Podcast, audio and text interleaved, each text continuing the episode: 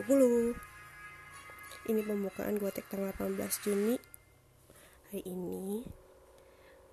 Shonu ulang tahun by the way. Wah, Umurnya udah 20, udah 8 tahun. Wow. Bapak. Jadi ini tadi dulu bilang gue tag pembukaan tanggal 18 Juni Tapi poin-poin cerita yang penting-penting itu dari tanggal 15 Jadi selamat datang lagi yang udah dengerin tanggal 15 kemarin gue udah upload sekarang gue upload lagi. Karena emang pengen. Begitu ya bisa gitu ya. Suka-suka gue aja nih mah. Karena emang lagi ada yang mau diomongin aja kepikiran baru kepikiran gitu baru niat. Terus tadi gue mau ngomongin apa lagi ya? Next next next. Terus sekarang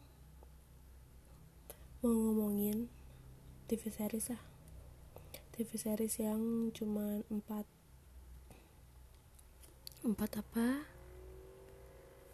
Empat episode. Jadi ini genrenya dokumenter documentary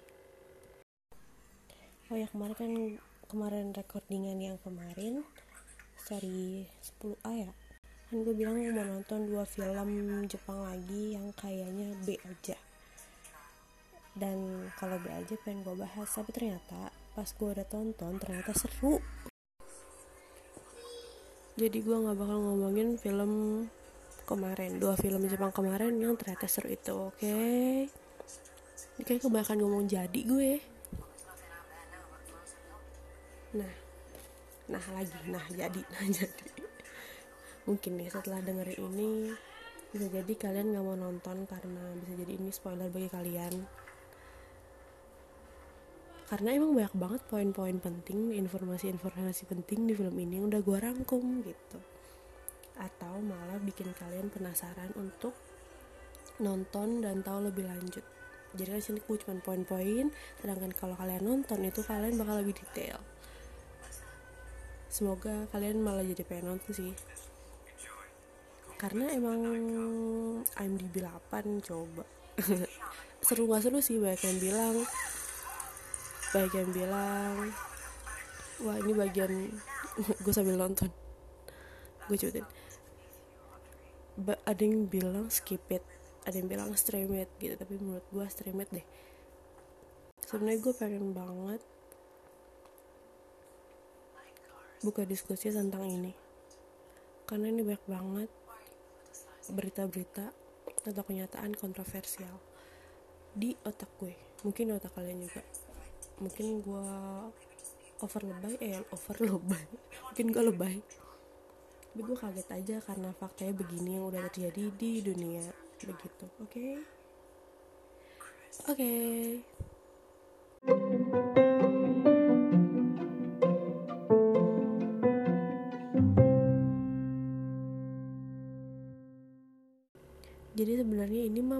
Gue aja ya maksudnya bagi gue begitu.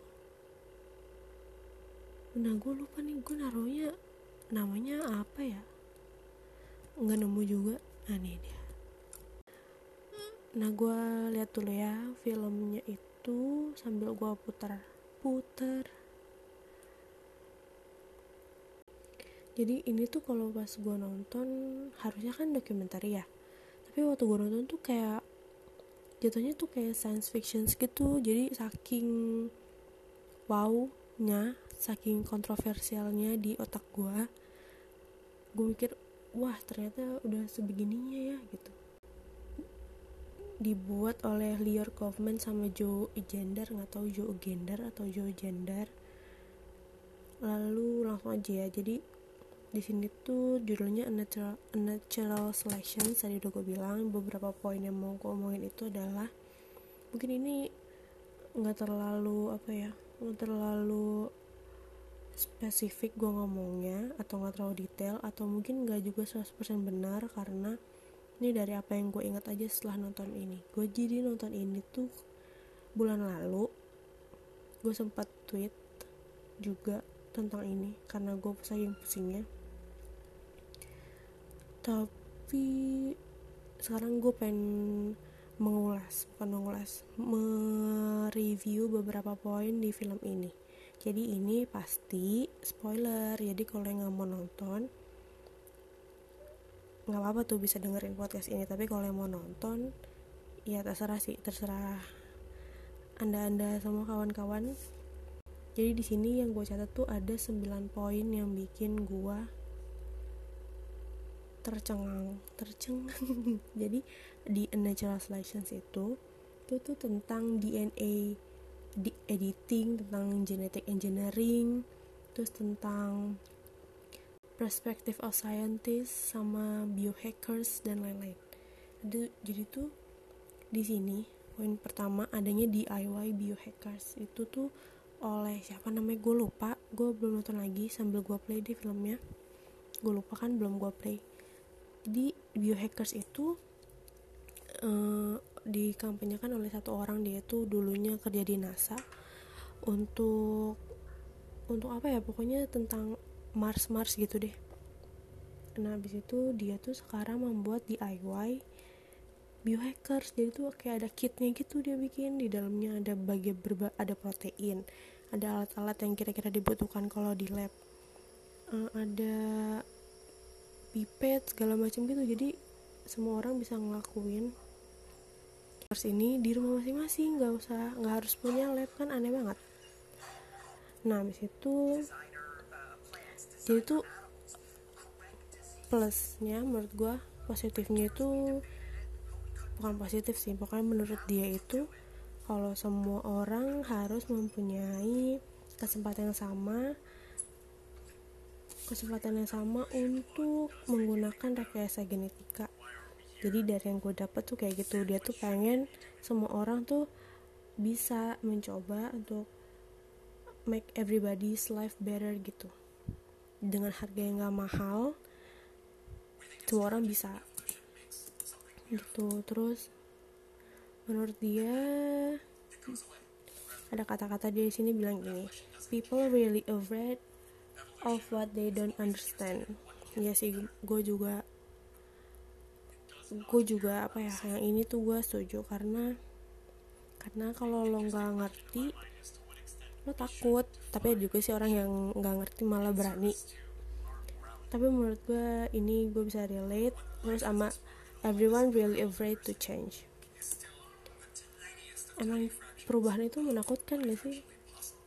Apalagi untuk sesuatu seperti ini jadi tuh dia ada kitnya gitu. Dia tuh dia buat protokol alat bahan DIY itu untuk mencoba part di rumah. Dia tuh nggak mau kalau cuman orang kaya dan orang powerful yang bisa menggunakan rekayasa genetika. Menurut dia akan seimbang bila semua orang punya akses untuk itu. Tapi menurut gua kalau harganya makin murah semua orang bisa ngelakuin takutnya terjadi penyalahgunaan gak sih? Terlalu serem karena ini kan menyangkut manusia ya.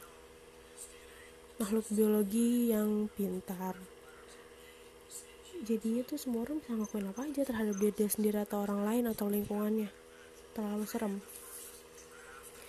Kemudian kemudian terus poin kedua tuh ada pemusnahan pest dia tuh di sini. Dia tuh mau.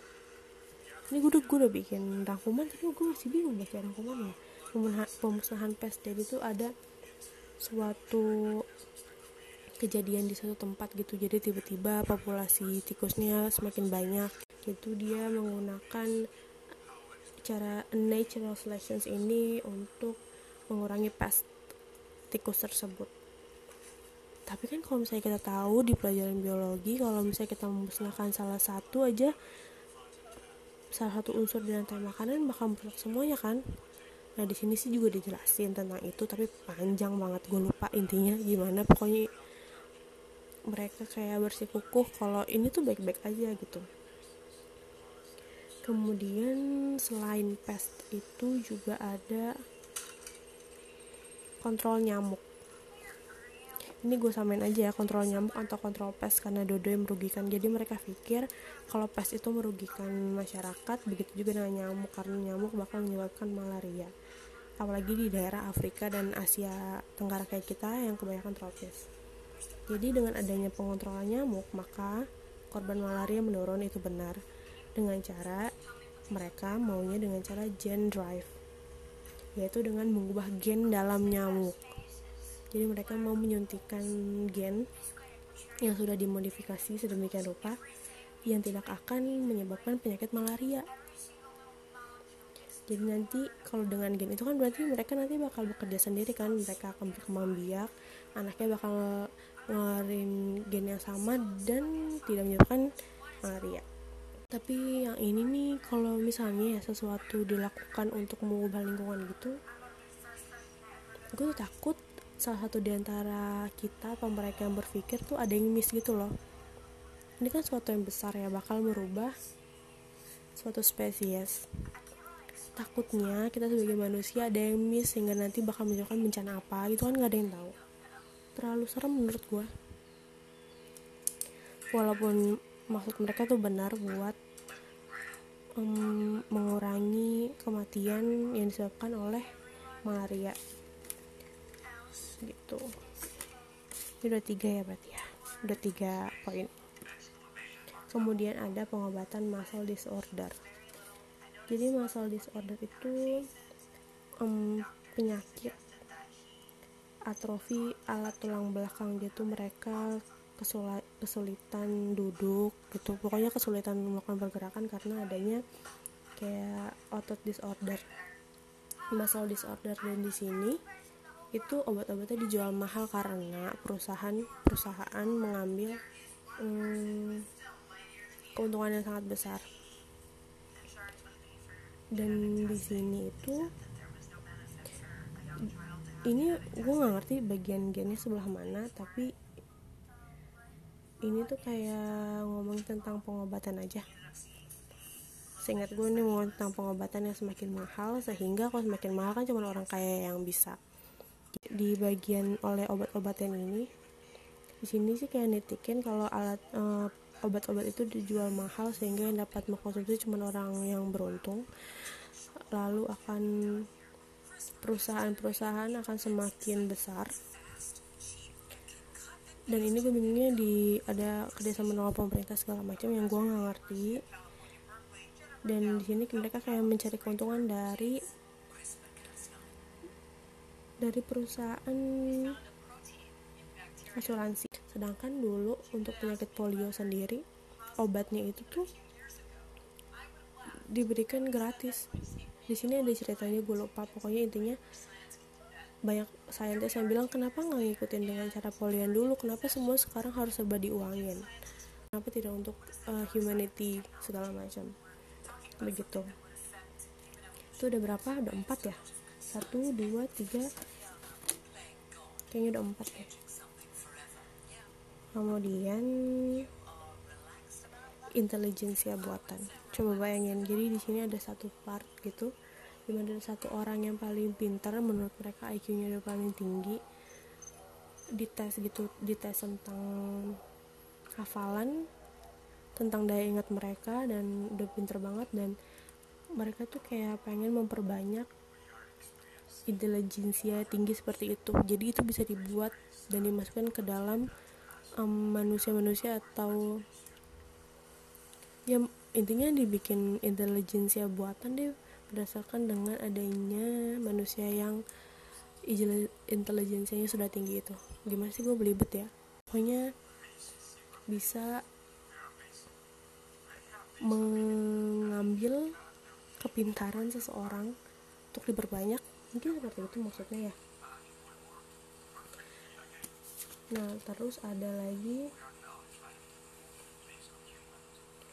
glowing dog. Jadi di sini juga nanti ada satu seorang dog breeder. Dia itu kayak suka tentang DIY biohacker ini. Akhirnya dia beli kitnya dan situ dia belajar mengambil bakteri fluorescence gitu. Dan dia berpikir untuk menyuntikkan sel tersebut yang mengandung fluorescence ke dalam sel anjing. Sehingga dia mau tuh mau anjing ada anjing yang berfluorescence anjing yang glowing. Nah lo coba bayangin anjing glowing cakep banget. Tapi apa fungsi lainnya? Gue juga tahu apa cuman buat cantik-cantikan aja atau ada fungsi lainnya? Oh dia mau kayak gitu. Dengan cara menyuntikkan DNA atau sel ke dalam makhluk hidup lainnya yang di sini anjing. Oke glowing dok udah kemudian ada lagi. Um, operasi mata. Jadi di sini sih yang sedihnya ada satu anak. Dia tuh pengen banget kerja sebagai astronot tapi suatu saat gue nggak ngerti kenapa seingat gue sih bukan karena kecelakaan tiba-tiba dia nggak bisa ngelihat. Kayaknya ada masalah di gennya juga. Namanya Jackson. Anak itu namanya Jackson masih kecil. Dia tuh sangat pengen ngelihat. Akhirnya di sini dia di terapi terapi DNA dan ini salah satu dari um, gen DNA engineering ini. Jadi ini salah satu menurut gue sih manfaat ya tapi gue nggak tahu deh gue bisa sepenuhnya mendukung ini atau enggak. Soalnya kalau di sini kan dia jelas memberi manfaat untuk Jackson. Walaupun Jackson itu seingat gue tuh pasien pertama untuk uh, terapi gen ini gitu. Oke ini sih gue sedih sih ini sebenarnya bagian akhir-akhir ini gue lupa. Jadi gue ngomongin sekarang. Bagian Jackson udah. Kemudian itu ada lagi satu orang. Dia itu pasien HIV jadi di sini tuh dia sehari-hari kayak kontrol ke dokter biasa gitu. Akhirnya dia tuh kayak ada agen. Kok nggak salah agen ya itu ya apa bisa dibilang agen gue nggak tahu dari Ascendance kalau nggak salah namanya. Dan dia itu mau gen terapi untuk memodify himself. Apakah dia bisa untuk mengobati HIV sendiri apabila disuntikan sesuatu ke tubuhnya? Yang udah dibikin sedemikian rupa untuk mungkin menyembuhkan HIV begitu. Dan di sini banyak yang menyayangkan menyayangkan apa yang dia lakukan. Jadi di sini tuh maksudnya semua orang tuh pengen yang terbaik. Menjadikan lebih baik. Ingin adanya keadilan. Tapi kan gak semua orang bisa berpikir ke sana. Takutnya banyak yang menyalahgunakan. Nanti semua makin kacau. Itu kan lebih serem lagi.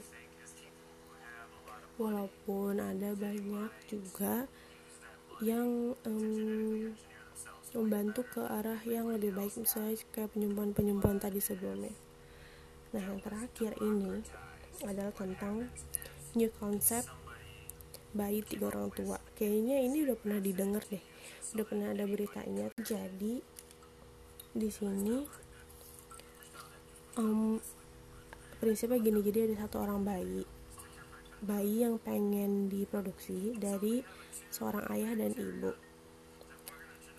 Tapi untuk menghilangkan kemungkinan adanya penyakit, jadi DNA mother sama DNA fathernya dengan mitokondria mitokondria wanita lain digabungkan gitu loh. Jadi tetap ada 23 kromosom laki-laki dan 23 kromosom perempuan dan mitokondria di genom dari another woman digabungkan gitu. Jadi ini maksudnya untuk mm, membantu pasangan yang nggak tidak bisa memperoleh anak sebelumnya jadi dibantu gitu. Dan untuk pembuatan ini itu tuh mereka juga bisa merequest anaknya mau kayak gimana. Anaknya mau keriting kah lurus kah matanya biru matanya hijau atau tinggi atau pendek atau pinter atau enggak gitu coba. Ya jadi kayak nggak ada takdir gitu menurut gue kayak The Sims. Malah bukannya jadi nggak seru ya kok kayak gitu. Kalau semua bisa lo kontrol malah jadi nggak seru gak sih? Nggak ada nggak ada apa ya? Kelebihan bukan. Nggak ada ciri. Ada sih ciri mungkin tapi yang dari Tuhan gitu lah yang udah secara natural lo dapet kelebihan talent lo. Jadi menurut gue terlalu terlalu controlling. Controlling kah? Terlalu nggak seru deh pokoknya menurut gue sih nggak seru menurut mereka itu seru banget karena mereka bisa membuat apa yang mereka mau tapi kalau kayak gitu bukan nanti semua orang bakal jadi seragam. Kalau kesukaan mereka sama apalagi sekarang? Semua orang kok nih bayangin kalau semua orang pinter terlalu seragam lama-lama kita kitanya yang jadi robot gak sih? Ya udah gitu ini sih yang terakhir ini yang paling bikin gua hah gitu. Gila ini kalau gini kita bisa membuat manusia dong dengan cara mengambil DNA segala macam dan modifikasi DNA dan lo buat seperti apa yang lo mau wow. Terlalu serem untuk membayanginnya. Jadi ini sebenarnya juga banyak yang pro banyak juga yang kontra banyak banget yang kontra. Harganya tuh selalu untuk dia ini gue lagi bagian dia ngomongin DIY engineering tadi. Harganya 140 ribu dolar ya kalau salah. Kok inti gitu. Terlalu serem gak sih kalau lo bisa mengubah suatu suatu makhluk hidup yang udah dibuat oleh Tuhan dan itu malah bisa mempengaruhi ekosistem lo? Gitu. Gila ini terlalu serem. Dan sini juga jelas banget ditentang oleh beberapa gereja-gereja gitu. Karena memang kan kayak kok kayak ngatur gitu ngatur hidup tuh. Apa yang udah di diatur oleh Tuhan seperti itu kayaknya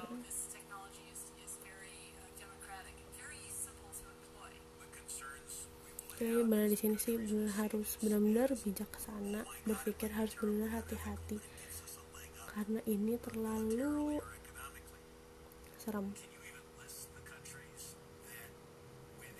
Kalau kalian mau nonton silahkan ya di Netflix. Ini sih sebenarnya pengen banget nih gue diskusiin menurut kalian gimana gitu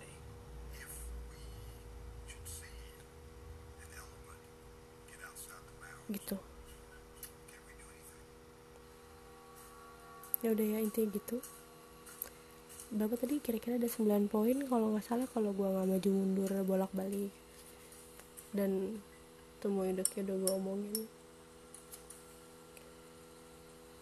Ya begitu aja. Cerita dari beberapa poin yang gue pikir wow di film eh di film di TV series A Natural Selections. Silahkan ditonton kalau yang mau nonton. Gitu aja. Bye bye